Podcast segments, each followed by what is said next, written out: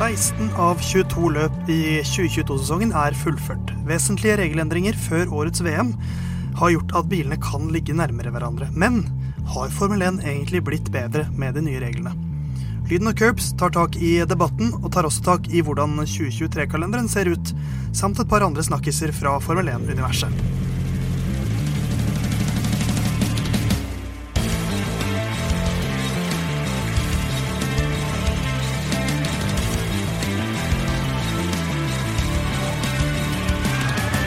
Ja, ja, mensan, da var det tid for å prate litt om Formel 1 igjen. Du hører på lyden av Curbs på Radio Nova, og også som en podkast på den podkastplattformen du foretrekker. Theis er eh, din valgte programleder denne uka, eh, for du har jo tross alt valgt å høre på lyden av Curbs. Jeg har to sidekicks med meg. Jeg har ikke valgt at noen av de skal være her, men de er nå her likevel. Men jeg har lyst til å vie deg eh, sjansen til å tale først, eller and i dag, da, Herman. Siden du har valgt ofte å ikke være til stede her. Ja. Tenkte at det er hyggelig for deg i frykt for at du skal bli sur. Eh, Ja. Så tenker jeg at du kan få slippe til litt tidlig nå. Hvordan går det med deg i dag? Eh, Det går fint. Jeg er jo kanskje, uten at jeg vil si det preger hverdagen min, så er vel jeg sikkert den mest sånn humørsjuke av oss tre. Ja, bare, ikke, ikke når det kommer til Formel 1, men bare generelt. Ja, sånn generelt. Ja. Så jeg tror du gjør lurt i å gi meg en litt sånn myk start. Og Men litt er det, da lurt at jeg, er det lurt at jeg påpeker det?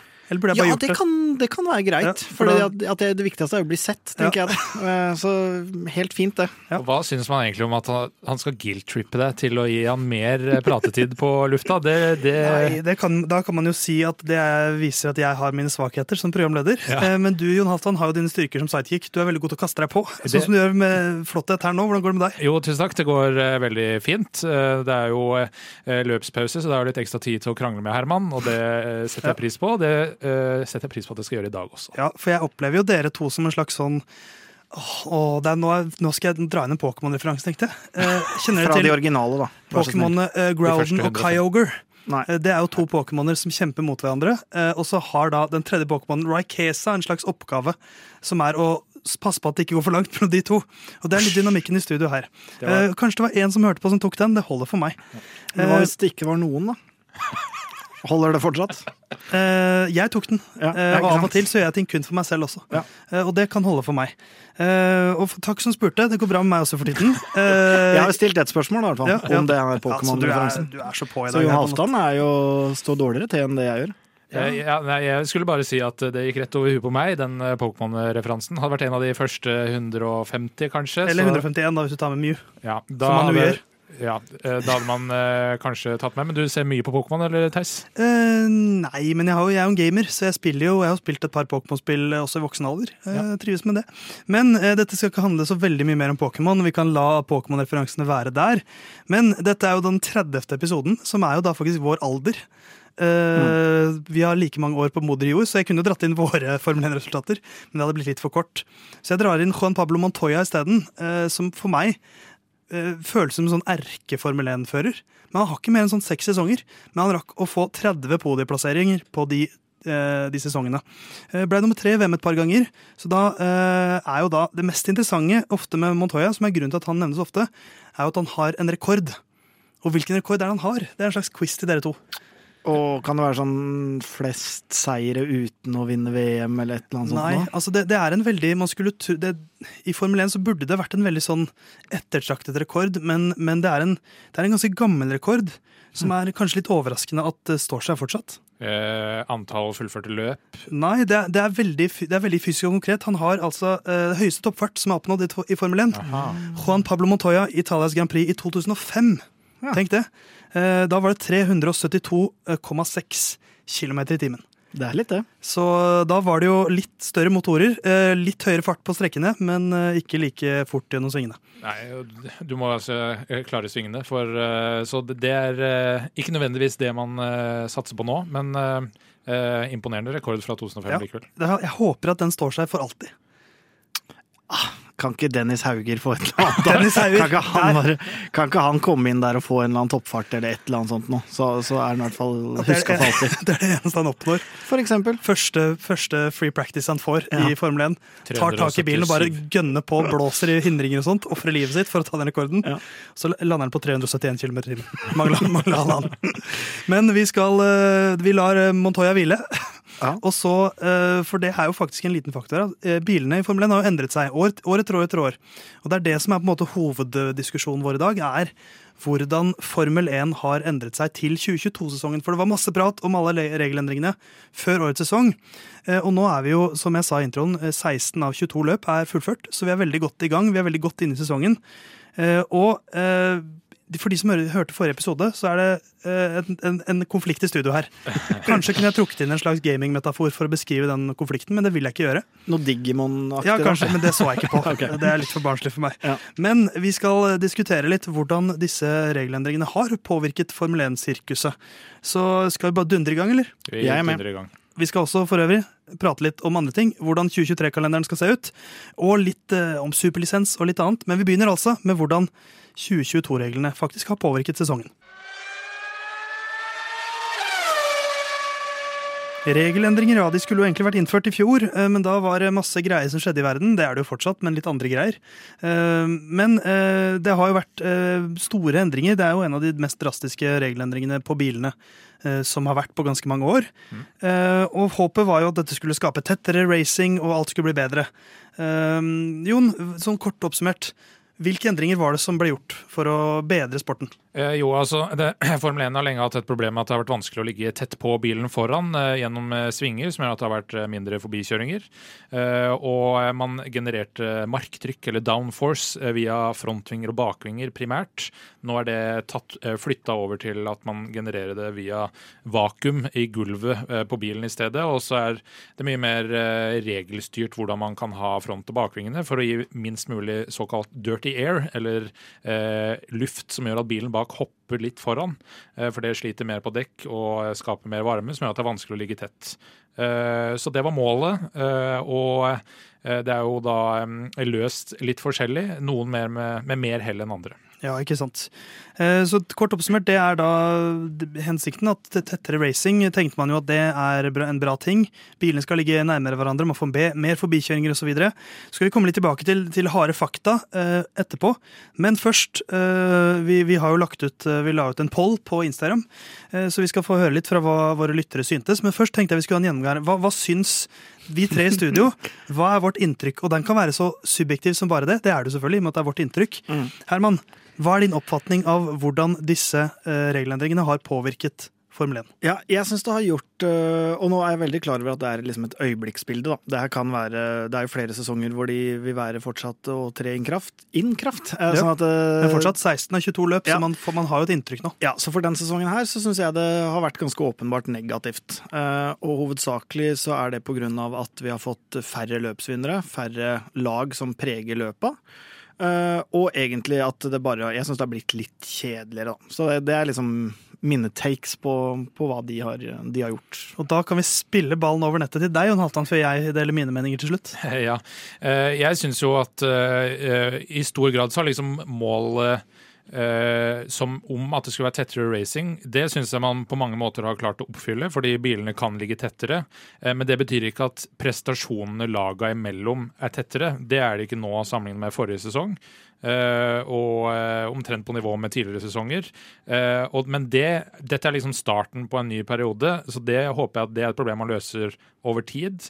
Men racinga er blitt bedre blant de som er ganske lik på performance, fordi man kan ligge tettere og det er mer forbikjøringer. Ja, det er noen som lurer på min mening. Takk som spør. Ja, øh, Eh, Men nå, nå er du den som spiller offeret, for vi rekker ikke noen gang. ja, men jeg, men, Jon ikke sant, ikke ikke sant, Herman? Nå ser du åssen det føles. Når, når man alltid tar offerrollen. Ja, ja. Men hva, hva syns du? Takk, Herman. Ja. Jeg syns, det har, jeg syns at det har blitt tettere racing. Det syns jeg man kan se. Mm. Det synes jeg man kan si som et objektivt faktum. Jeg syns det har blitt flere forbikjøringer. Men så vet jeg ikke om jeg syns det har blitt bedre racing. Jeg syns det er flere billige forbikjøringer. Eh, og jeg vet ikke om jeg vil definere god racing som nødvendigvis det samme som masse forbikjøringer. Eh, det er litt som en, altså, en, en god actionfilm er ikke nødvendigvis den filmen hvor det skjer ting hele tiden. Eh, hvor det er eksplosjoner av Michael Bay hele tiden. En god actionfilm kan være mye mer subtil enn det. Og, viktig action er bedre enn masse action, Mm. syns kanskje jeg. Eh, Jeg sitter egentlig mest og tenker ikke på at regelendringene har hatt så mye å si, men at jeg, jeg fortsatt sitter og tenker at dekk er det som betyr alt. Mm. Eh, Og at det er litt det er blitt lettere å kjøre forbi, syns jeg bare gjør det lettere for topplagene også. Eh, vi har snakket før om at biler ute av posisjon er alltid gøy, fordi at det blir gøy racing, men nå bare fiser de forbi, og det syns jeg har vært lettere enn noensinne. Mm. Så det er litt kort oppsummert det jeg syns. Og så har vi jo noen flittige lyttere også. Vi, vi la ut en poll, rett og slett, en enkel og grei poll på Instagramen vår. Lyden av Curbs heter vi der hvor spørsmålet var eh, har 2022-regel bilendringene vært bra.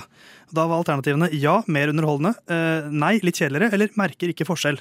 Eh, og da er vi altså der at idet jeg åpner resultatene, så ser jeg at grafen endrer seg. For da stemte Herman på nei, litt kjedeligere. så vi, vi, er så vidt foran på at folk syns det er litt mer underholdende. Og så er det litt færre som syns det er kjedeligere, og så litt færre som syns at de ikke merker noe forskjell. Um, og så er det noen som har sendt inn en uh, liten forklaring også på, de, på, hvorfor de syns det. Ole Røsvik, som vi har hatt med her en del ganger, han, han stemte mer underholdende. Det motsatte av deg, Herman, mm. men da litt mer på Jon Halvdans side. Uh, Ole syns det er tettere racing, uh, og så skriver han at noen lag har bare løst reglene bedre enn andre. Uh, mens Kristoffer Eid skriver at han ikke merker forskjell. Noen enkelttilfeller med bra action, men ut, utfallet er som regel likt. Um, Der har Jon også skrevet 'fordi det stemmer' på, på at han syns det var, har blitt bedre. Og synes jeg Jan Christer har en veldig herlig og ærlig mening. Jeg kan ikke nok om endringene til å, til å vite så veldig mye. Um, ja, Så det er jo lytternes meninger også. Og da er det jo to fiender i studio. Mm. Uh, som heter Jon Hafton og Herman.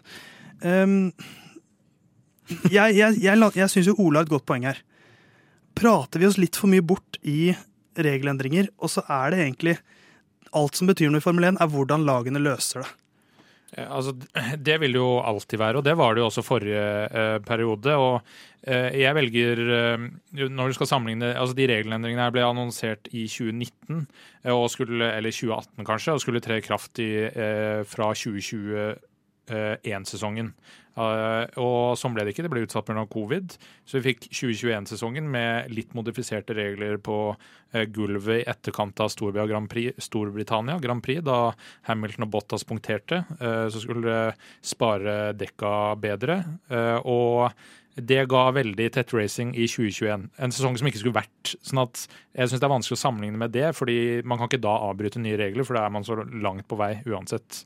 Og hvis du sammenligner med det, så er det bildet omtrent likt, noe bedre. Litt, eh, litt flere forbikjøringer og litt mindre, enn så lenge iallfall, dominans fra den som eh, vinner. Og eh, konstruktørene så ser det litt, litt tettere ut enn det de gjorde da Mercedes starta i f.eks. i 2014 med de nye reglene, og i 2020 så er det omtrent på samme nivå.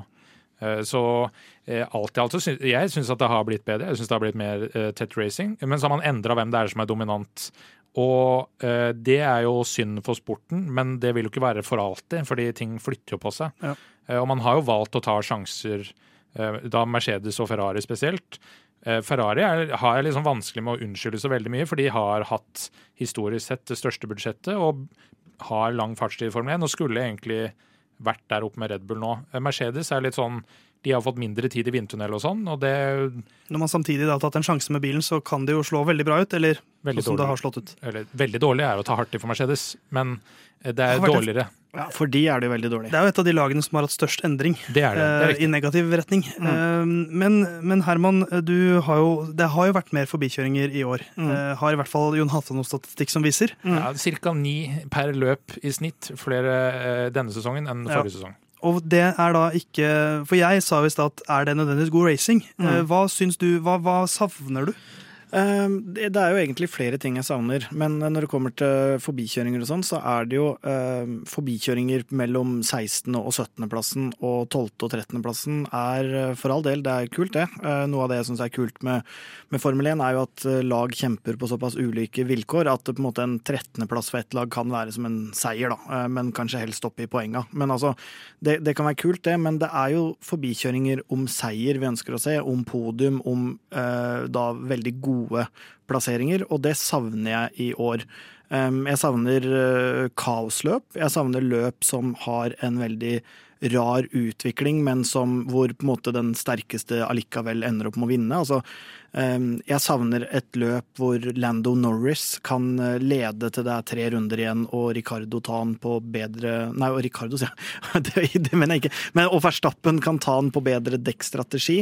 altså, jeg savner Eh, altså, nå er det veldig statisk, da. Eh, sånn at selv om det skulle være 600 flere forbikjøringer i løpet, så hvis de skjer baki der, så har det egentlig ikke så veldig mye å si, da. Men det, det er jo ikke så mange av de kaosløpa i løpet av en sesong? Nei, det er klart, men jeg, men jeg savner også noe av den uforutsigbare eh, løpsutviklinga. Ikke nødvendigvis løpsvinnere, fordi selv om Og på, på statistikken som Jon Halvdan har funnet fram, så var det jo så er det fire løpsvinnere i år, eh, alle da fra Red Bull og, og Ferrari.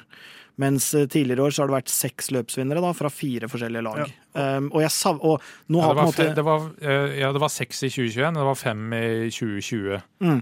Men sav, nå, det er liksom ingen som har vært i nærheten av det. Uh, og, for det, det, er ikke nødvendigvis det at de skal dra i land seieren, men at man f.eks. kan ta en annen type dekkstrategi som gjør at man kjemper om det. Da. Altså, nå er det bare uh, hvem av de to beste som vinner. Ja, uh, og, og det, her mener jeg at er det reglene sin skyld, eller er det som Ole sier, at bare noen lag har truffet veldig bra? Eh, men jeg, jeg mener jo at en, en bieffekt ved disse reglene, endringene jeg syns jeg ser, er at ja, du får tettere racing, men at det er tettere racing, gjør at biler kan ligge tettere i svingene.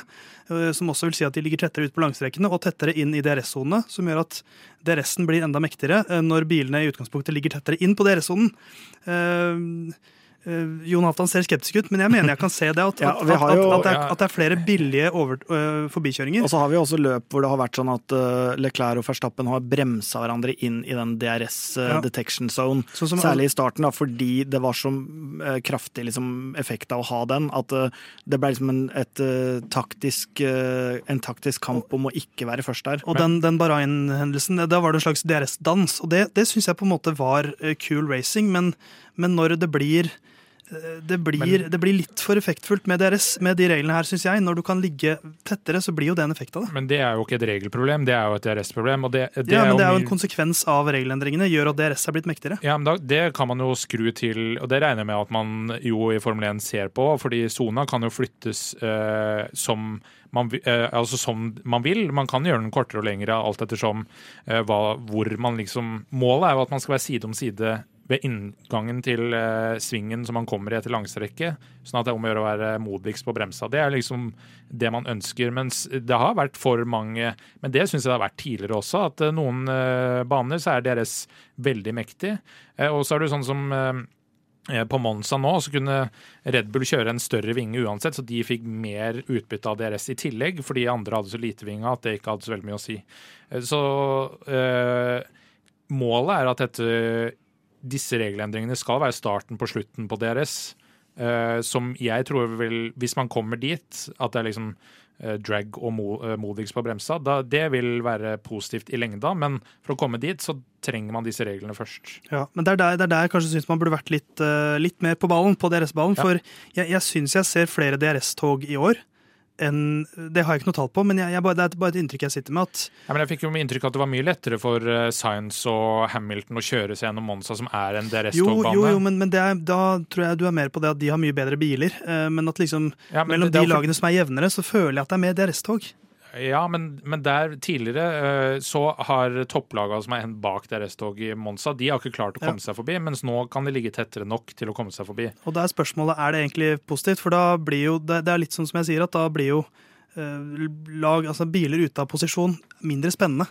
Fordi at de, nå ligger de nærme oss, så kan de bare smette forbi. Men DRS-tog har da vært uh, altså Mye bedre biler kommer ikke forbi ja. fordi det er DRS-tog, mens nå kommer mye biler forbi selv om det er deres tog? Ja, er ikke det en positiv ting? Nei, jeg, jeg, tenker at jeg ønsker da at de må f.eks. gjøre en annen strategi for å komme forbi. fordi um, sånn som uh, når, når, man faktisk må ta motorstraff og sånne ting, så har jo det ofte, i hvert fall tidligere, prega løpet i en så stor grad at du omtrent ikke kan vinne det Verstappen uh, har gjort nå i det siste, og han er jo en helt fantastisk form uh, og veldig bra bil og alt det der, det er jo veldig imponerende det han har gjort, men samtidig så føles det ikke så imponerende som det tallet faktisk er, da.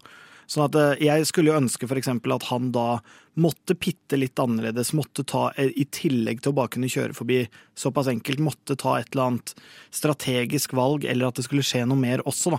Så jeg savner litt uh, uforutsigbarhet ja. i det. For det, det, jeg mente med DRS-tog, var at nå, nå skaper det vansker for alle, men ikke topplagene. Eh, og da blir det bare at det blir, det blir et slags, sånn et slags vannskille der hvor her holdes alle de vanlige, og så kommer eliten og smetter forbi. De, mm. de går i fast-tracken på Gardermoen, liksom. Ja. Mens de andre sitter bak i køen. Men, ja, det, det, er jo flere, flere aspekter. Altså det, det, ene er at man kan ligge tettere, men det andre er at performance øh, Forskjellene er for store nå, og det er jo også Det er ikke regelendringene sin feil, for er, man har vært dårligere på å løse det enn andre. Eh, men det er jo gjort grep som budsjettak, eh, forskjellig tid med sånn eh, simulering og vindtunnel basert på hvor du plasserer deg i konstruktørmesterskapet, som skal forhåpentligvis da gjøre at dette blir tettere over tid. Men, men budsjettaka, for det også er jo en del av, av regelendringa her, har jo sånn jeg ser det, ikke bidratt til noen verdens ting sånn det er nå. Og ikke det med vindtunnel heller, fordi hvis man sammenligner Men det har vært én sesong med vindtunnel? Ja, da, men, sammen... men, de kunne jo stramma inn på det i større grad, f.eks. Hvis, man, hvis man skulle sammenligna med f.eks. amerikansk idrett, da, NFL og NBA og alt sånt der, så er det jo sånn at de laga som kommer bakerst eh, og lengst ned på, på tabellen, de får velge talentene først. Og det er veldig mye verdt i amerikansk idrett, sånn at da får de da kan de liksom bygge et nytt storlag. Da. Det er sånn som for eksempel Chicago Bulls var helt elendig fram til de fikk Michael Jordan, som var det største talentet, og så bygde de jo derfra, og de fleste vet vel at det gikk eh, veldig bra. Eh, jeg syns ikke vi får den effekten nå, og det, det, kan godt hende at man gjør det over tid, men når vi nå sitter og ser på regelendringene, så hvis man ser på liksom fjorårssesongen, så var flere lag oppi der og kjempa om noe. Ferrari begynte å komme litt, McLaren kom lite grann. Eh, nå er, det jo ikke, nå er det ikke flere lag som holder på, og det var et veldig stort gap ned til de dårligste sist. Da var det jo eh, Williams og Haas. Eh, det er like stort nå, bare ned til, til potensielt litt andre lag. Da. Så gap Altså, har, vi har ikke fått med flere lag, man har ikke fått med flere førere. Ja, men det, det, er ikke færre lag, altså bortsett fra løpseiere, hvor du har kaosløpet i Ungarn i fjor. Ja, men det var flere lag som kunne prege både løp og Ja, men ikke så kunne true om seier, for det var to stykker i front som var liksom et lysår foran de andre ja, men de kunne tempo. prege f.eks. når eh, Hvis noen måtte ta motorstraff, da. Si at, uh, at Hamilton og, og ja, for... Verstappen hadde motorstraff eller noe sånt, så var det jo da potensielt mulig for McLaren og Ferrari eksempel, å sette mer farge på løpet. Nå er det ikke det. Det er ingen som kan gjøre det. Men, kan, men, kanskje vi skal ta en liten diskusjon om hva som kunne vært tvistet på og flikket litt på for å gjøre disse regelendringene enda mer effektfulle. Eh, vi eh, tar et lite brekk straks tilbake.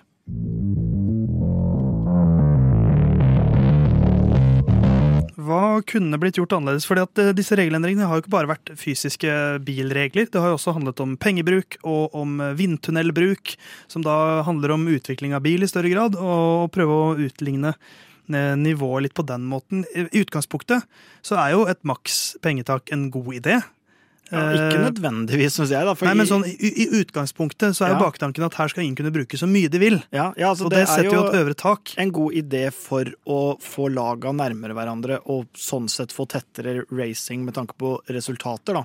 Så det er jo en god tanke sånn sett, men jeg har jo også vært innom eh, tidligere i podkasten at for min del kunne folk egentlig bare brukt akkurat hvor mye de ville og bare lagd den ja. desidert beste bilen, men når målet er tettere racing, så er jeg helt enig i at eh, da er et budsjettak bra. Men da syns jeg kanskje i, den, i, det tilfellet her, da, og nå er det jo litt radikalt å skulle gjøre det første sesong, men at det burde være mye lavere. Fordi at det vil presse de bedre lagene ned mot de dårligere. Da. Ja, for det er faren, Jon Halvdan, er det ikke det? At dette, det, det hindrer jo fremveksten av nye storlag. Det, eh. det er, min, er, mitt inntrykk at et, et budsjettak gjør mer egentlig bare at det holder på status quo. Uh, ja, nei, altså Budsjettaket er vel satt til sånn 145 millioner euro uh, der omkring. Og uh, både Mercedes og Ferrari har brukt 3,5 Altså 350 til 400 Altså tre, i hvert fall det dobbelte til tre ganger så mye som det tidligere. Så for deres del så har det vært komplisert å komme seg ned til å nå budsjettaket. Eh, og det er jo klart det stilles en del spørsmål med Red Bull, for de bringer ganske mye oppdateringer.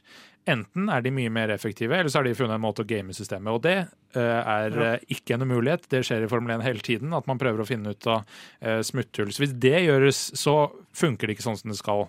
Men på lengre sikt, og da snakker vi ikke over én sesong, så vil det her eh, Da blir det ikke noe snakk om sånne store lag og eh, midtfelt og sånn, fordi alle vil være mer eller mindre på samme nivå. Altså, og da er det bare om å gjøre å være flinkest, ikke ha mest mulig penger å kaste på et problem. Fordi, ja, Man kan jo si at denne sesongen har gagna Mercedes å kunne bruke 6 milliarder på å løse bilen sin. fordi da hadde de vært med i T-kampen. Men det hadde ikke gagna Williams de hadde aldri kommet nærmere det, for de kan ikke bruke 6 milliarder på et uh, problem. Nei, men det, samtidig så er det jo så langt unna nå at det har ikke noe å si for de om de kjemper tre i toppen eller, eller én i toppen, på en måte. er jo mitt.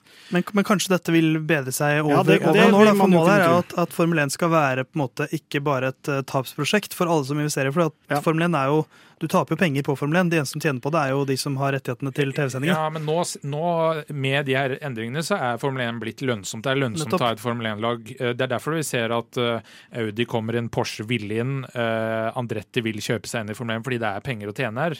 Lauren Stroll snakker også om det i den podkasten jeg refererte mange ganger. At, at både én, han ser at han kan på en måte tjene penger på det, men også han mener jo sjøl at han kan skape det storlaget fordi det nå blir budsjettrammer. da. Ja. Ja, for, for altså det å konkurrere med Mercedes, som har bruttonasjonalprodukt til liksom, eh, backing eh, Når du er eh, en businessmann fra Canada, hadde liksom ikke eh, fungert, eh, og man kunne hevda seg der eh, hvis man ikke hadde hatt et budsjettak. fordi Ellers så kan de store lagene bare bruke og bruke og bruke, mens de små ikke klarer å henge med. og Da er det sånn som Has som bare er med i Formel 1, fordi de har venta på de reglene her, fordi budsjettaket kommer.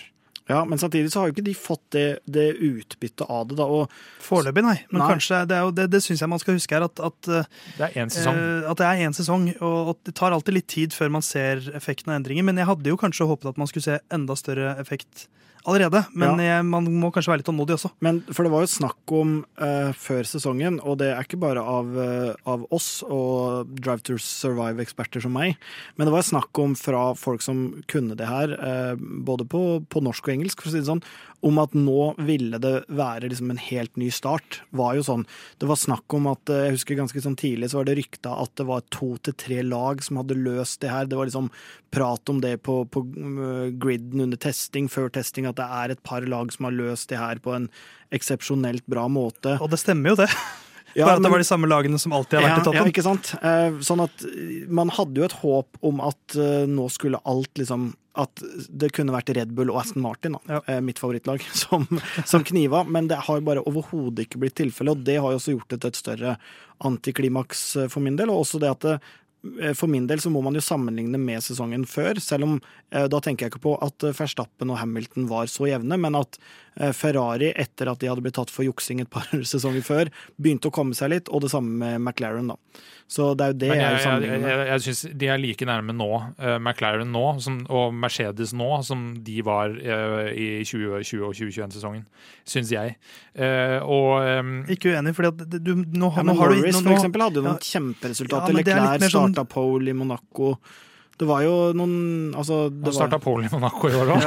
ja, da, men, altså, men det, var, det, var, flere sånne resultater som ikke gikk vei nå. sånn at jeg mener at man kan ikke bare se på hvor mange løpsvinnere vi fikk, og hvor mange som, lag som faktisk klarte å dra i land en seier. For det var oftere sånn ja, jeg, altså, jeg, hadde også inntrykket da at, at de, de, altså McLaren og den type lag var nærmere eh, mm. noe stort enn de er nå. Eh, men det har jo også litt med at det, ja. det, er jo ingen som utfordrer Max Verstappen nå, og da blir det veldig lett. Da er det, liksom, da er det færre feil som gjøres, mm. fordi at du presses mindre. Og da blir det mer solid. Men bare inn på det Has-sporet litt. da. Det, hvis du som ingeniør får betalt like mye for Has som du gjør hos eh, Aston Martin eller alpin, men du kan velge mellom alpin, som har eh, Renault som satser en del, og ha som har vært i sånn holding pattern i to sesonger. Da velger du alpin. Så de tiltrekker seg ikke nødvendigvis de beste ingeniørene ved å eh, late som at de er med i Formel 1 i to sesonger. Eh, så det er, tror jeg er noe av grunnen til at de er der de er. Og så spørs det om Gunther Steiner liksom er riktig for Haas. Ja da, men samtidig øh, Og jeg, jeg, nekter å betvile Lauren Stroll sine planer. Han, ja, han, han, kan med, han, han, kan jo backe det med kapital også. Øh, store visjoner. Han, har jo øh, nå på, på, plass veldig bra fasiliteter. Det må være et lag som er veldig attraktivt. og Nå vil vi kanskje få fasit på det om noen år, da. men hvis ikke de, hvis ikke de kommer seg betraktelig høyere i midtfeltet, så syns jeg også det er et lite tegn på at regelendringene ikke nødvendigvis var det de skulle være. da. Men, Men- da, men, ja, men da er det det økonomiske Altså de andre virkemidlene enn akkurat ERO-reglene som er problemet til Formel 1. Da er det ikke fått skrudd til eh, hvordan pengene fungerer, og begrensninger på vindtunnel eh, og eh, sånn simuleringstid eh, på, basert på hvor man fullfører sesongen før. Ja, for det er, der, det er der jeg kanskje tror at, at, at skoen på disse reglene trykker litt feil. Fordi at de som bygger den beste bilen, vil fortsatt bygge den beste bilen hvis det er nye regler. Eh, fordi at det er, som du sier, de beste ingeniørene jobber der. Så jeg, jeg, jeg savner jo det, Hvis vi skal snakke litt om hva, hva slags For jeg for å ta en positiv ting, da. Det er tett, bilene ligger tettere hverandre. Det er gøyere å se på. Sånn som det som skjedde i Bahrain med, med Leclerc og Verstappen, hadde ikke skjedd med de gamle reglene. Eh, det syns jeg er et kjempegodt eksempel på at der funka det. Men så syns jeg fortsatt at hvis, hvis det er noen endringer jeg ville hatt, da, hvis vi snakket om det, hva vil vi at skal tilføres disse regelendringene? Jeg har to forslag. Enten eh, flere standarddeler. Altså at, Mm. at, at en større del av. Ikke, ikke helt Formel 2, hvor alt er likt, liksom, og du kan, og du kan switche litt på ting, men at du har flere standarddeler som gjør at det er færre forskjeller på lagene. At det fortsatt vil være liksom nok eh, ikke-standarddeler til at gode ingeniører vil kunne lage bedre versjoner. Og så vil jeg ha mer dekkdynamikk. Ja. Fordi at nå er dekkene, dekkene er altfor det, er- det, er så like- det er så like dekkstrategier. Ja, jeg, vil, det, jeg vil jo ha to, to pitstop, jeg. Det vil jo ikke du, Jon, men jeg vil det. Nei, jeg vil ikke ha to pitstop. Jeg vil tilbake igjen, og det mener jeg oppriktig talt, jeg vil tilbake igjen til sånn tre, fire, fem stopp. At det er liksom Ja, altså, så er det er jo halleluja, sier jeg. Halleluja. Eh, det, det som er greia, altså dårlig, dårligere dekk. Eh, Ja. Nå forsvinner eh, dekkteppene, altså de dekkoppvarmerne, de tror jeg forsvinner neste sesong. God endring, syns jeg. Det syns jeg er kjempebra, for da er det fra romtemperatur og opp til rundt 100 grader. Og det vil ta et par runder Ja. å få til det. Eh, Så det er det ene. Fordi da kan du ha to ganske like raske biler som starter i front, men så har du femteplass bare ja, jeg tar de hardeste dekka. Og da må de eh, topplaga pitte ned, i, eh, ned bak de for å eh, være kompetitive tidlig i løpet. Så eh, dårligere dekk eh, er eh, det jeg syns man skal gjøre. Eh, I tillegg til at man jo kan jo se på det her eh, om man skal skru til enda mer. Jeg vet ikke om jeg er så fan av altfor mye standarddeler, fordi det fins andre spekkserier, eh, Indycar og Formel 2 eh, blant annet. For så vidt. Det, eh, Formel 1 er et konstruktørmesterskap også. Det syns jeg at man skal bevare. Hva hvis alle hadde samme motor? Det kunne, men da ville det jo vært fordel for Mercedes da, hvis det er mot dere som eh, motorleverandør, fordi de kan designe bilen sin rundt og bestemme hvordan En motoren skal nøytral lages. motorleverandør. Ja, da må man ha det. Uh, og det, da blir det Chevrolet, da. Nei, men hva, hva vil du endre på, Herman? Eh, Når snakker å kaste ut Red Bull. ja, når, jeg og Max Verstappen banna neste sesong. Kunne det vært noe. Uh, nei, jeg, At vinneren må ta et års pause. Ja, vet du hva, Det hadde vært litt Ja, festlig, ja, det faktisk. likte jeg godt. Sånn som i, for, for, i Formel 2-reglene. Ja. Vinner, vinner du, kan ikke bli med. Ja, Den hadde ikke vært så dum, faktisk. Uh, Nei. nei, har gått tom for førere rimelig fort. ja, det er sant. Nei, Da hadde, fått, da hadde vi fått en norsk verdensmester.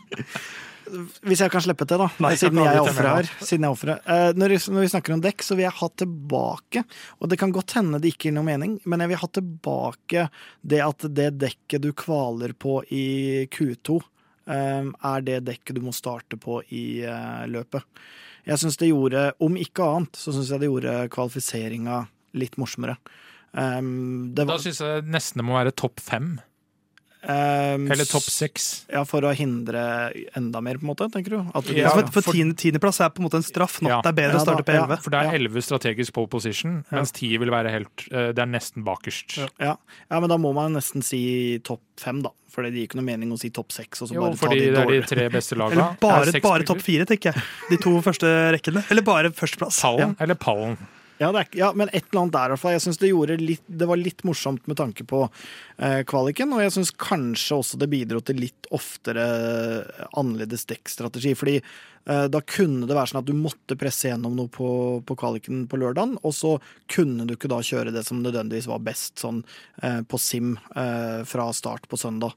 Um, så jeg syns kanskje det kunne vært, eh, vært noe. Så er det for min del enten få det der eh, budsjettaket langt ned, og vindtunnel og alt det her, og kjøre en eh, nærmest kommunistisk holdning på det, eller så er det den amerikanske stilen. Bare Nei, det, det kan ikke gjøre. Da, dundre løs. da blir, det, blir ikke noe, det blir ikke noe av Formel 1. Det blir for dyrt å holde på. Ja, men Så man kan ikke slippe løs. Men ikke i hvert fall Jeg, jeg vil Jeg nekter å men vi vet jo ikke hvordan nivået nå er. Om det er middels eller om det er for Men jeg nekter å fly under en eh, Eller marsjere under en falsk fane om at det er et eh, budsjettak. Det, per nå så har det ikke inntreft i det hele tatt. De tre beste laga og de tre rikeste laga er fortsatt klart best. De har stokka litt om, riktignok, men eh, sånn det er nå, så, så, har de ikke hatt den effekten det vil. Og da må man presse det lenger ned, eller bare gi ja, men de, beng i det. De skal trappes ned per sesong.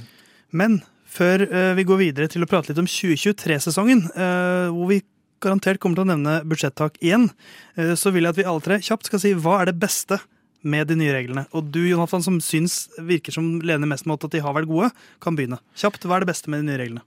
Det har brutt opp et hegemoni. Ja, det det syns jeg er det viktigste. Da vil jeg si at ja, bilene ligger tettere, og det ser fetere ut. Og det funker faktisk på meg.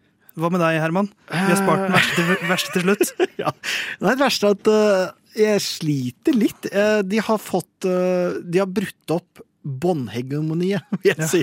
Sånn at Has for eksempel, da, ikke er så elendig som de var. Det syns jeg er litt festlig.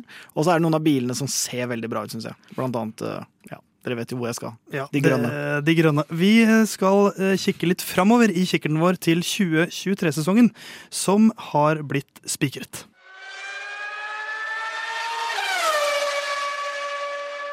2023-sesongen det blir den mest omfangsrike Formel 1-sesongen noensinne. I år så er det 22 løp, neste år 24 løp.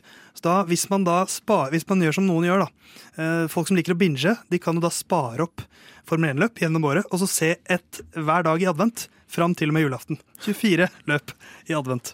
Eh, men eh, det, hadde ikke, det, hadde ikke, vært så gal eh, julekalender, det, altså? Nei, det hadde altså, jeg hadde, men det er vanskelig å unngå spoilers. da, det er klart. det er det. Men eh, kanskje den mest gledelige nyheten, i hvert fall for meg, er at eh, Vegas!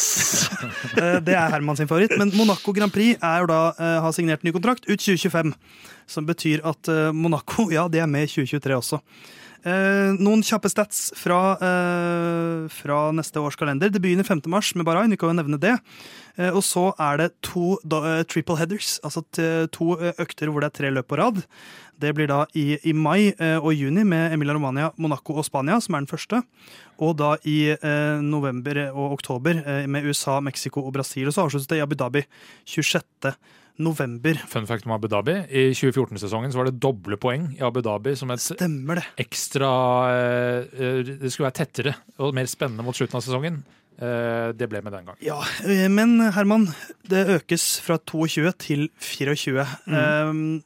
Hva tenker du om den endringen? Kun positivt eller, eller kun negativt, eller en slags uh, midt? Hvis jeg skal snakke for meg, ja, for deg, for så er det jo utelukkende positivt. Ja. Altså, det kunne jo vært uh, 52 ja. 52 løp hadde vært helt strålende for min del. Fotballsesongen, 38 løp. Ja, det hadde vært helt uh, kanon for min del. Så jeg, uh, jeg, kom Altså, jeg har ikke noe negativt å si om det. Men det er klart at uh, hvis jeg var Formel 1-mekaniker ja. For førerne syns jeg ikke så synd på. Nei, de klager mye, ja. syns jeg, over at det er tøft for dem. Men de, de kjører Formel 1 i kanskje mellom to og ti sesonger, da. Ja. De fleste. Ja, og de har greit med inntekt og sånne ting. Så jeg syns ikke så synd på de, men de mekanikerne og sånn Hvis Herman Borgstrøm, mekaniker i Aston Martin, klager, så er det jo ingen som Det er jo ikke noen avis som vil trykke det. Nei, Nei ja, men, si ikke det. men, men, eh, men jeg, jeg, er på Hermans side som Formel 1-fan, så syns jo det er gøy at det er så mange løp som mulig. Ja, For vår del er det mye lettere ja. å, å, ikke ha sånn mellom tre ukers mellom, sånn som vi har nå. Den sommerpausen er jo fortsatt der, da. Det er riktig. Belgisk Grand Prix for øvrig plassert før sommerpausen, så det er jo en liten endring som mange syns er rart. Jeg syns det er helt greit, jeg. Men, men det, er jo, det er jo noen nykommere, men det er også da 24. Det blir to løpshelger ekstra, som betyr mer reising og mer, mer, vanskeligheter for de som ikke er megastjerner. For folk som har dette som en vanlig jobb. Mm. Eh, men også da, siden vi har prata en del om budsjettak, eh, flere løp og mindre penger som skal strøs. Det er, det er like mye smør som skal strøs, strøs utover en enda større skive. Eh, og det er jo er det positivt eller negativt? Det, det, blir jo vanskeligere, da. Ja, men samtidig så er det sånn Jeg tenker meg om de sånn som en mekaniker, da. Uh, I, uh, nei, men i Aston Martin. Det er liksom uh, De har jo ikke en vanlig jobb. Ikke sant? Hvis du jobber med å, å sette opp uh, bandutstyret til en, uh, et, et, band som reiser verden rundt, så har du jo ikke en vanlig jobb. Så når jeg tenker meg om, så syns jeg faktisk det er utelukkende positivt. Jeg ja. syns ikke noe synd på mekanikerne heller, altså, helt, når jeg tenker meg om. Så jeg, jeg, ser bare positive ting med det. her. Men det er klart, hvis man, hvis man skal se større på det med tanke på klimaavtrykk og de tinga der som også er eh, både som politisk viktig, for det er mange som bryr seg om det, men også fordi Formel 1 har det som en del av strategien, så kan man jo selvfølgelig så litt mer tvil om, om det er et steg Ja. i riktig retning, da. Karbonnøytral innen 2025 eller 2030? Ja, jeg husker ikke helt, men det er jo i hvert fall et hårete mål uansett hvem av de der. For det er, jo, det er jo utfordrende, for det, er jo, det foregår jo over hele verden. Og så er det sånn, midt i den europeiske blokken så kommer, så kommer Canada. Eh, Der, der er den bare alltid. Ja, men, men det er jo, jeg har, jeg har, for nå har jeg gjort research, nemlig. For i Canada der kan de bare være mellom mai og august pga. været. Og så har du Miami oppi det hele, som, eh, som må være før slutten av mai pga. stormsesongen. Eh, og fordi arenaen brukes til NFL. Eh, så har du sånn som Texas, som, må, som bør være i oktober-november pga. været. Eh, og så har du Oppi det hele så er det også den kapitalistiske siden, som er hvorfor er ikke Midtøsten-blokken i en, en blokk? Den er jo delt opp veldig, og det er jo fordi da, da bare utsletter billettinntektene hverandre litt. Da blir det for mange samtidig. Mm. Og det er litt begrensa med, med folk som kan komme og se på også. Så det, det er jo det, det er en logist, logistikkutfordring. Det blir jo ikke mindre, og da går det mer penger til det òg. Eh, Det gjør det, og eh, det ble jo eh, bedt om å øke budsjettet i år tilsvarende inflasjonen. Eh, Om det blir en Jeg ser nok for meg, hvis inflasjonen fortsetter sånn som det har gjort eh, denne sesongen, så må vi nok gjøre det neste år også, fordi det er en såpass omfattende kalender som det er. Eh, og så er det jo litt sånn eh, når det gjelder antall løp, de er jo gjerne på jobb, de eh, eh, mellom mars og november uansett. Eh, de har like lang ferie som meg eh, i fire uker der, og da er det ikke lov å jobbe. Eh, men eh, det er jo en livsstil man har valgt, så eh, litt sympati kan man jo ha, men om det er to løp til, spiller sikkert ikke så mye rolle. Ja, for jeg, jeg er ikke så Jeg er litt med Herman der, altså. At sånn de mekanikerne, ja, de har familie, ja, de tjener nok ganske godt som mekaniker i et Formel 1-lag, og det er en livsstil du velger, altså. Ja, Du kan få en mekanikerjobb uh, hvor du tjener ganske bra også, og du bor i en by og utvikler noen produkter. Men du kan ikke fortelle barnebarnet ditt at uh, jeg bygde den Nei. uh, løpsvinnende Mercedesen. Så jeg, jeg, jeg ser vel på det litt som en sånn, uh, hva skal man si, eh, ja. Det er jo et eventyr du har i noen år, og så kan du se på et litt mer vanligere arbeidsliv etter det. Ja. Eh, men, men sesongen som helhet, da. Eh, hva syns dere om at man eh, holder på starten i Bahrain og avslutninga i Abu Dhabi? Ja, vi skal ikke begynne å tulle med Bahrain, i hvert fall sånn. Nei, eh, jeg, nei, men jeg, jeg liker jo godt Bahrain som en start, men Ja. jeg, jeg syns jo det er sørgelig at Altså- Abu Dhabi er fortsatt siste løpet. Ja, I år så avslutter vi Abu Dhabi før vi skal inn i det der jævlige fotball-VM i Qatar. Eh, også i, og, og det er liksom eh, Vi avslutter eh, Abu Dhabi-løpet leverer nesten aldri. De leverte forrige sesong kontroverser, Ja. men ikke god Ikke, racing. ikke pga. banen, men pga. dommerstaben. Ja, det, det var ikke god racing Nei, nei, der det var ikke det, faktisk. Det pleier ikke å være god racing Nei. på Abu Dhabi. Nei, så Kina er jo er tilbake, da. Money Talks, ja. Kina er tilbake. Aserbajdsjan, som er i krig med Armenia, de er fortsatt med. Ingen snakker om dem. Nei, men, Folk snakker det- om, eh, Men Russland er jo ikke med. Nei, for, for det der, det etiske her, det Det- kan det, vi altså- faktisk nesten ikke For der, der ligger det som en slags jeg føler det ligger som en slags grunnpilar når vi snakker om Formel 1. Ja. At vi har jo hatt noen prater om det etiske. Ja, ja. Og jeg håper alle som hører på, vet hva vi faktisk syns. Men man kan liksom ikke ta den Nei, vi må Hver ta gang vi nevner Qatar, så kan vi ikke si at Nei. som jo suger balle. nei. Nei. For da, da, er det mange av de løpa her som skal fjernes, og det mm, Ja, altså Vi måtte jo ha fjerna For hvis vi skulle bare sett på de som vi kunne forsvart, da, Australia, da måtte vi starte Da hadde vi hatt Da måtte vi fjernet Bahrain, Saudi-Arabia, Kina, Aserbajdsjan. Eh, kanskje Kanskje USA. Nei, de, de, må få, de må få bli. Og så måtte vi hatt bort Ungarn er jo Singapore er vel ganske dårlig på pressefrihet. Eh, de bør bort. Qatar må bort. Eh, Las- eh, og Abu Dhabi må i hvert fall bort. Ja. Så da, er det ikke, da blir det en veldig kort sesong, plutselig. Det, det gjør det. Ja, det er, eh, da er det mange som må bort. En liten fun fact her, når vi satt og så på de her løpa for et lite øyeblikk siden, så, så satt jeg og kikka på 2022-kalenderen. Eh, Så jeg var med nå, Ja. når vi gikk gjennom liksom de, de til slutt her. Men egentlig helt fram til jeg skøyt inn Kina er jo med i år, så satt jeg og kikka på 2022-kalenderen. Så mm, bare sånn at de som hører på, vet det. Ja. Eh, Det er vel episode fem eh, av vår podkast. Der kan du høre hva vi syns om litt sånn etisk løp man kan sette spørsmålstegn ved. Ja, jeg tenker at vi kan, eh, vi kan sette punktum for Formel 1 2023-praten her. Men husk, da. 5. mars eh, 2023 så begynner vi i det fantastiske landet Bahrain. Så det er bare å glede seg. Vi gleder oss. Vi gleder oss. Ja, ja, ja. Over til et litt annet tema. Colton Hurta er en amerikansk kar som vi har nevnt et par ganger her. Han har vært lansert som en eh, potensiell Formel 1-sjåfør, kommer fra IndyCar, der han er kjent for sine prestasjoner bak rattet. Eh, McLaren har hatt han i sin eh, utviklingsstab, får vi si, og Red Bull har vært bortpå. Men det har kommet en avgjørelse nå, og han har ikke fått superlisens. Hva betyr det, Jon? Eh, jo, det betyr det er jo egentlig Max Verstappen-regelen, i tillegg til at det skulle hindre eh, at folk kjøpte seg bare inn i et Formel 1-lag. Det er at du må ha eh, tjent opp så og så mange poeng, 40 stykk, for å få lov å få superlisens og dermed kjøre i Formel 1. I tillegg til å ha lappen, som gjerne betyr at du må være 18 år. Og da er det Første, andre eller tredjeplass i Formel 2-mesterskapet sammenlagt, det gir 40 poeng. Uh, og så er det 30 til fjerdeplass og 20 til femteplass. Mens uh, i Indycar så får du 40 poeng kun på førsteplass. Uh, og 30 poeng på andre, og 20 poeng på tredje og 10 poeng på fjerde. og 30 poeng på andreplass er det samme som å vinne Formel 3. Ja, og, og Colton Hurta landet vel på 32 poeng. og så hadde vel var det Red Bull som hadde lagt inn en søknad om unntak? Ja, de, de, for de kan gis unntak på særskilt grunnlag, og de eh, har, eh, så vidt jeg har forstått, ikke lyst til å undergrave sin egen Formel Feeder-serie, ja. altså Formel 2 og Formel 3. Eh, som da betyr eh, nei, ikke noe unntak her. Og så var Red Bull på eh, For du får poeng hvis du deltar i så og så mange trenings... sessions osv. Og, så og var liksom Alpinen sto også egentlig klare til å hjelpe, fordi da ville de fått Gasly. Eh, men eh, så vidt jeg har skjønt, så er det off. Eh, altså Red Bull ja, har latt det ligge. Så da er jo situasjonen slik at det virker akkurat nå nesten umulig å komme inn i Formel 1 utenom feeder-serien. Og da vil nok Fia si at sikkerheten er viktig, eh, du må vite hvordan det er å kjøre Formel 1, og at da denne oppskaleringen fra Formel 3 og 2 er liksom, det gir den beste, beste likheten. Så har mange tidligere Formel 1-førere, som Markus Eriksson, han uttalte seg forleden hvor han sa at uh, det vi kjører i Indycar, er et helt annet nivå enn det de gjør i Formel 2. Uh, eh, som, uh, altså det, det, er bedre nivå, rett og slett, og det er bedre racing. Eh, kjøper du, eh, kjøper du, forsvaret til eh, Fia på noe som helst vis, med at det er sikkerhet som også er viktig her?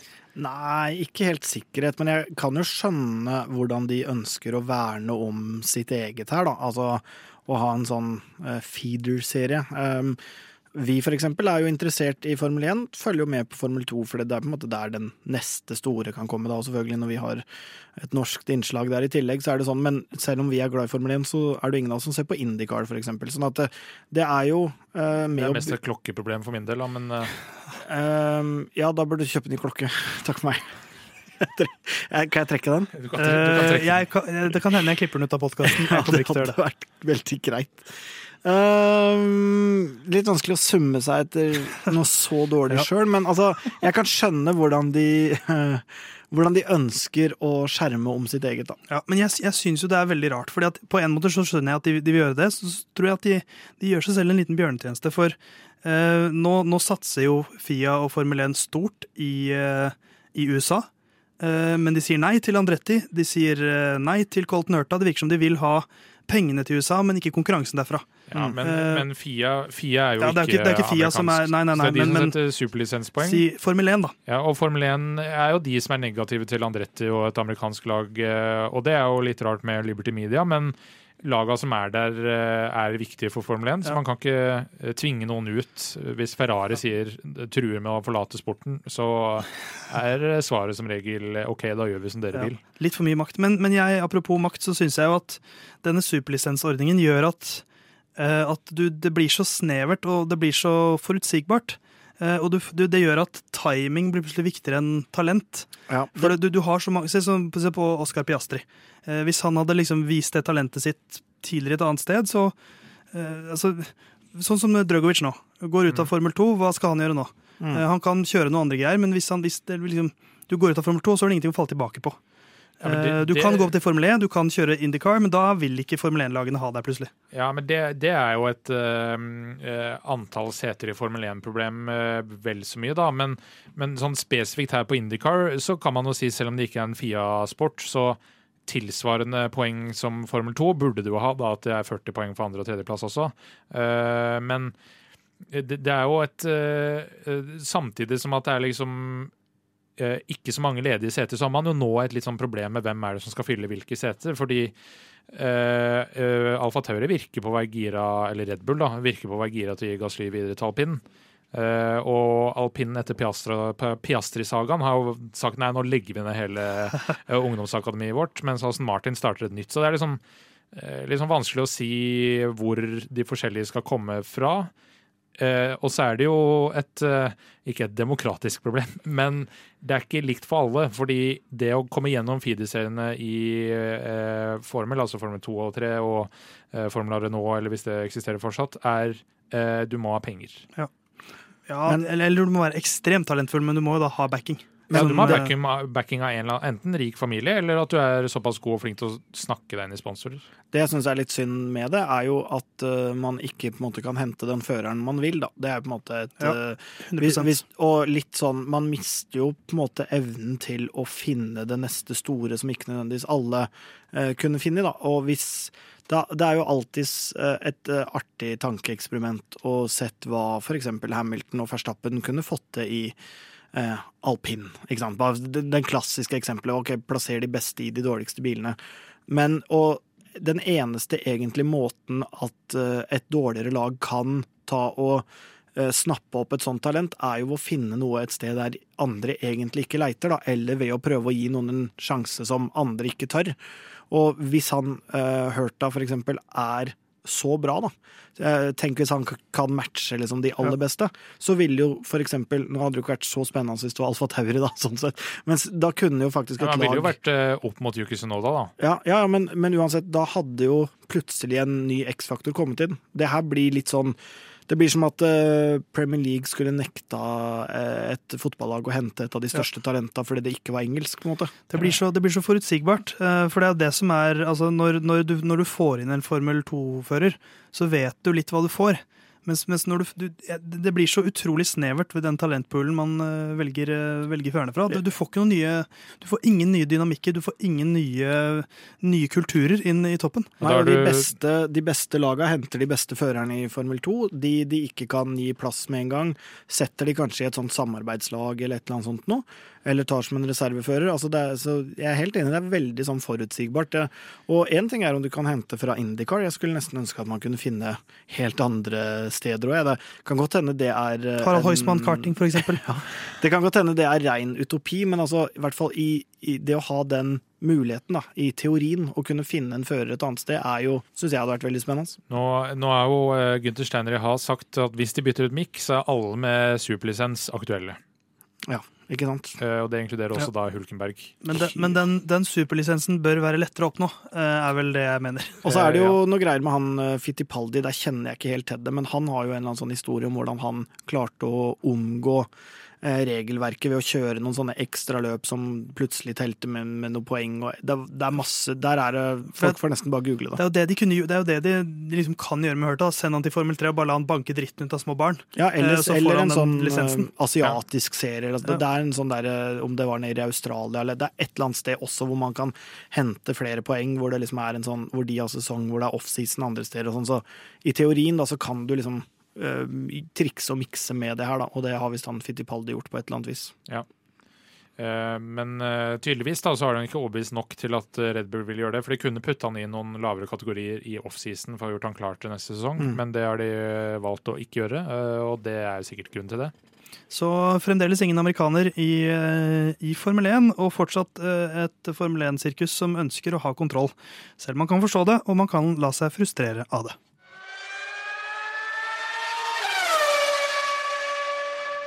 Volkswagen virket å være litt gira på å få med de to barna sine Audi og Porsche inn i Formel 1, sånn at de kunne slåss litt med hverandre der.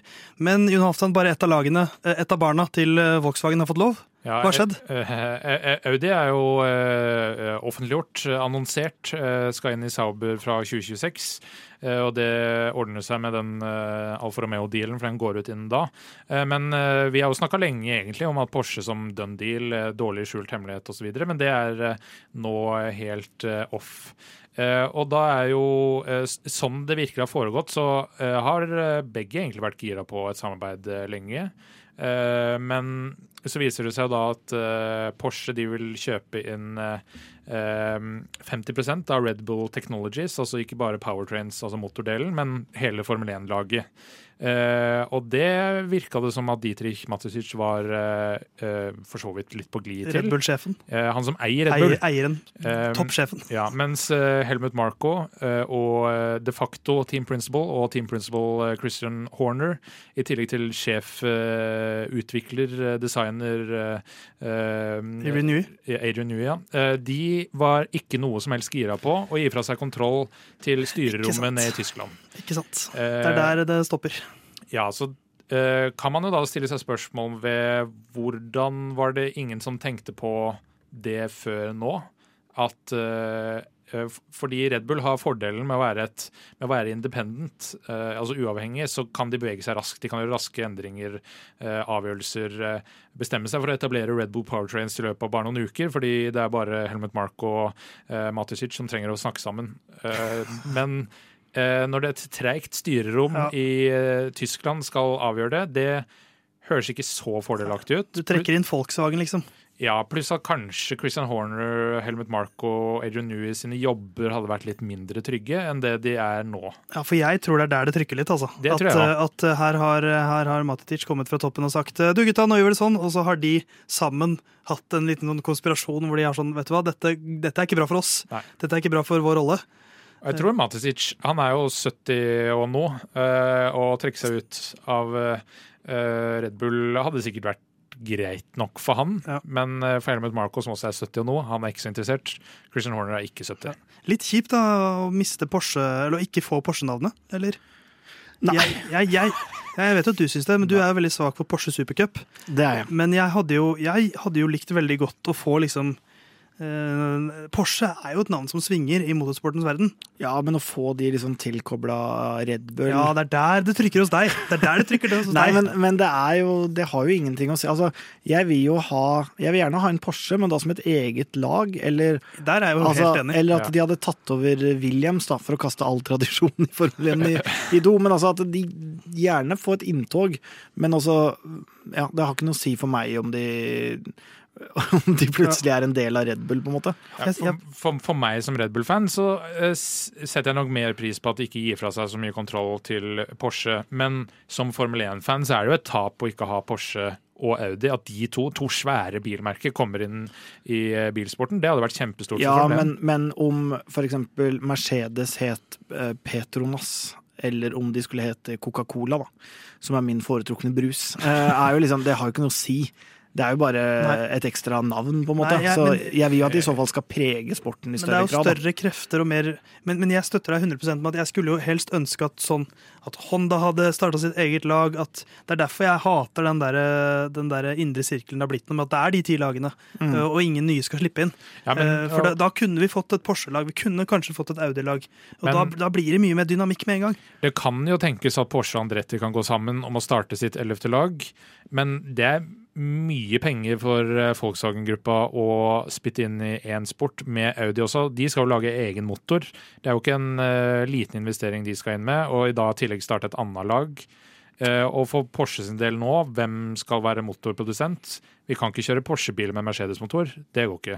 Nei, Nei Men kan de kjøre med Audi, da? Hvis de skulle lage motor? Det kan de kanskje gjøre, men det da blir det en rebrand. Det er jo samme selskap. Ja. Ja, ja, men de liker ikke hverandre så veldig Nei, godt. Men det er jo en slags falsk duell når det er liksom pappa Volkswagen som bestemmer. Ja. Uh, men, men, men, uansett, Porsche er ut for denne gang. Blir, det blusser sikkert opp igjen om to år, da. Uh, Nei, nå, nå, tror jeg det er for seint, fordi det er inn til de nye motorreglene i 2026. Neste gang det blir nye regler, da. ja, 2032, da kommer det kanskje inn et nytt lag. Det begynner vi å snakke om. Da er det Porsche vi snakker om i 2025. 2026, deal, deals off. Men Audi is back, så vi gleder oss til det, i hvert fall.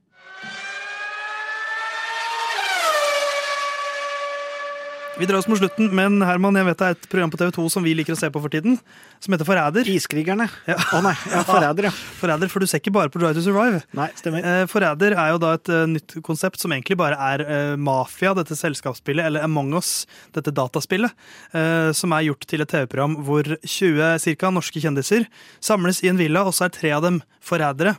Og de skal prøve å få ut alle andre, sånn at de sitter igjen. Eh, Og da er det sånn at én fjernes hver natt, og så videre. Og så er det de alle sammen som stemmer ut en de tror er forræder, og så videre. Så det går jo da på, ut på å lure hverandre. Og så videre. Og da Og ser jeg for meg, hva hvis alle disse 20 førerne eh, Vi kan slenge med nykter fris, så er vi på 21. Samler seg i en villa, og så er tre av dem velges ut til å være forrædere. Og så skal disse eh, Formel 1-førerne spille eh, Among us på en måte in real life, eller forræder. Hvem hadde gjort det best? Ja, og da er det noen ferdigheter som kommer inn. da. Ja. Det er jo å være litt uh, slu, men samtidig nødvendigvis ikke så slu at man automatisk er Nei, mistenkt. for jeg tenker jo at troverdighet Ja. er en veldig viktig kvalitet her. Det har litt å si, Eh, men også kynisme, da. Ja, eh, så vi skal velge ut én hver, og så har vi på en måte vårt forræderteam. Mm. Som skal prøve å lure alle de andre førerne. Eh, Jeg vet ikke, Herman. eh, Er det noen du eh, ikke ville valgt deg? Ja, vi kan jo luke vekk noen med en gang. Eh, Latifi. Eh, veldig sånn avvæpnende, syns jeg. Han er veldig sånn hyggelig og ler og sånn, men Ja. til syvende og sist så kan du ikke le av alt og vinne et spill som forræder, tror jeg. Eh, jeg tror du må ha noe mer i det. Det er klart den latteren kan kamuflere noe, men jeg vil nok luke vekk eh, Latifi med en gang. Albon. Jeg tar hele Williams først og sist. Altfor hyggelig. Altfor smilende. Så der eh, jeg, jeg kan begynne der. De tror jeg ikke hadde gjort seg. Nei, jeg støtter det. Um, Jeg tror også at Shogun Yu eh, ikke hadde gjort seg. Jeg tror Alfa Romeo Men, men samtidig så har jeg lyst til å ta en tidlig shout. Valtteri Bottas. Han kan skjule seg bak en sånn finsk flathet. Ja. eh, som jeg tror hadde vært ganske bra, faktisk. Så han er en tidlig frontrunner for meg. Ja. Har du noen, en tidlig frontrunner, eller backrunner, Jon?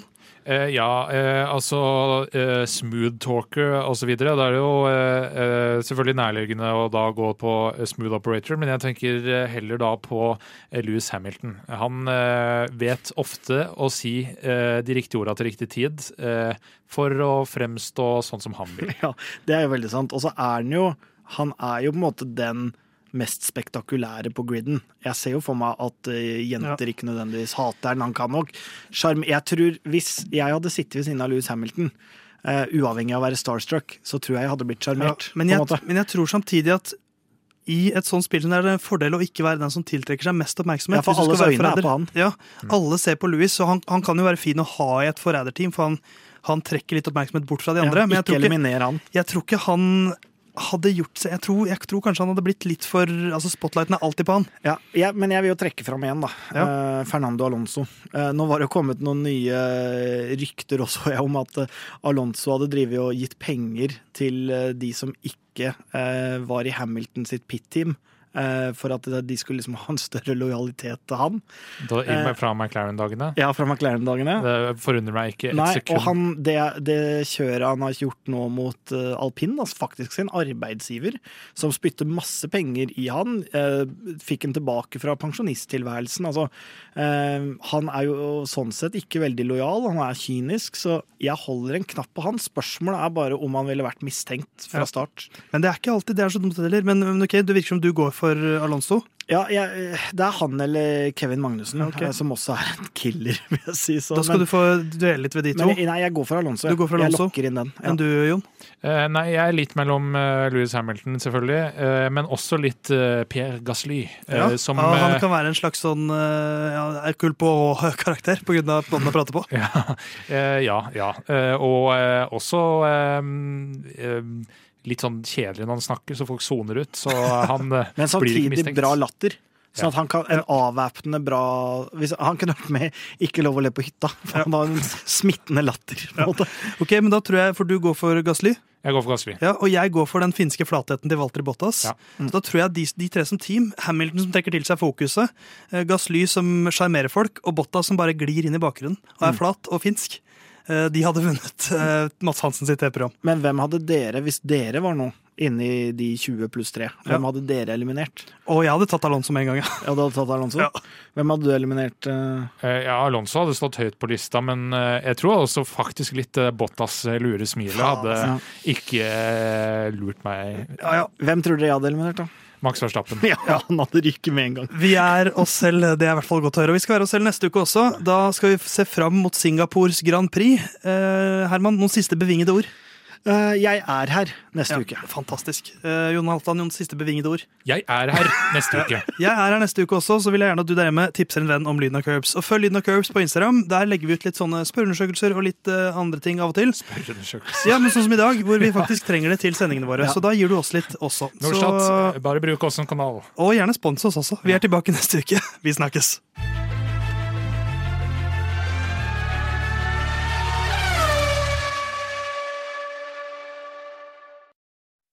Good luck this weekend, Stroll. Thanks.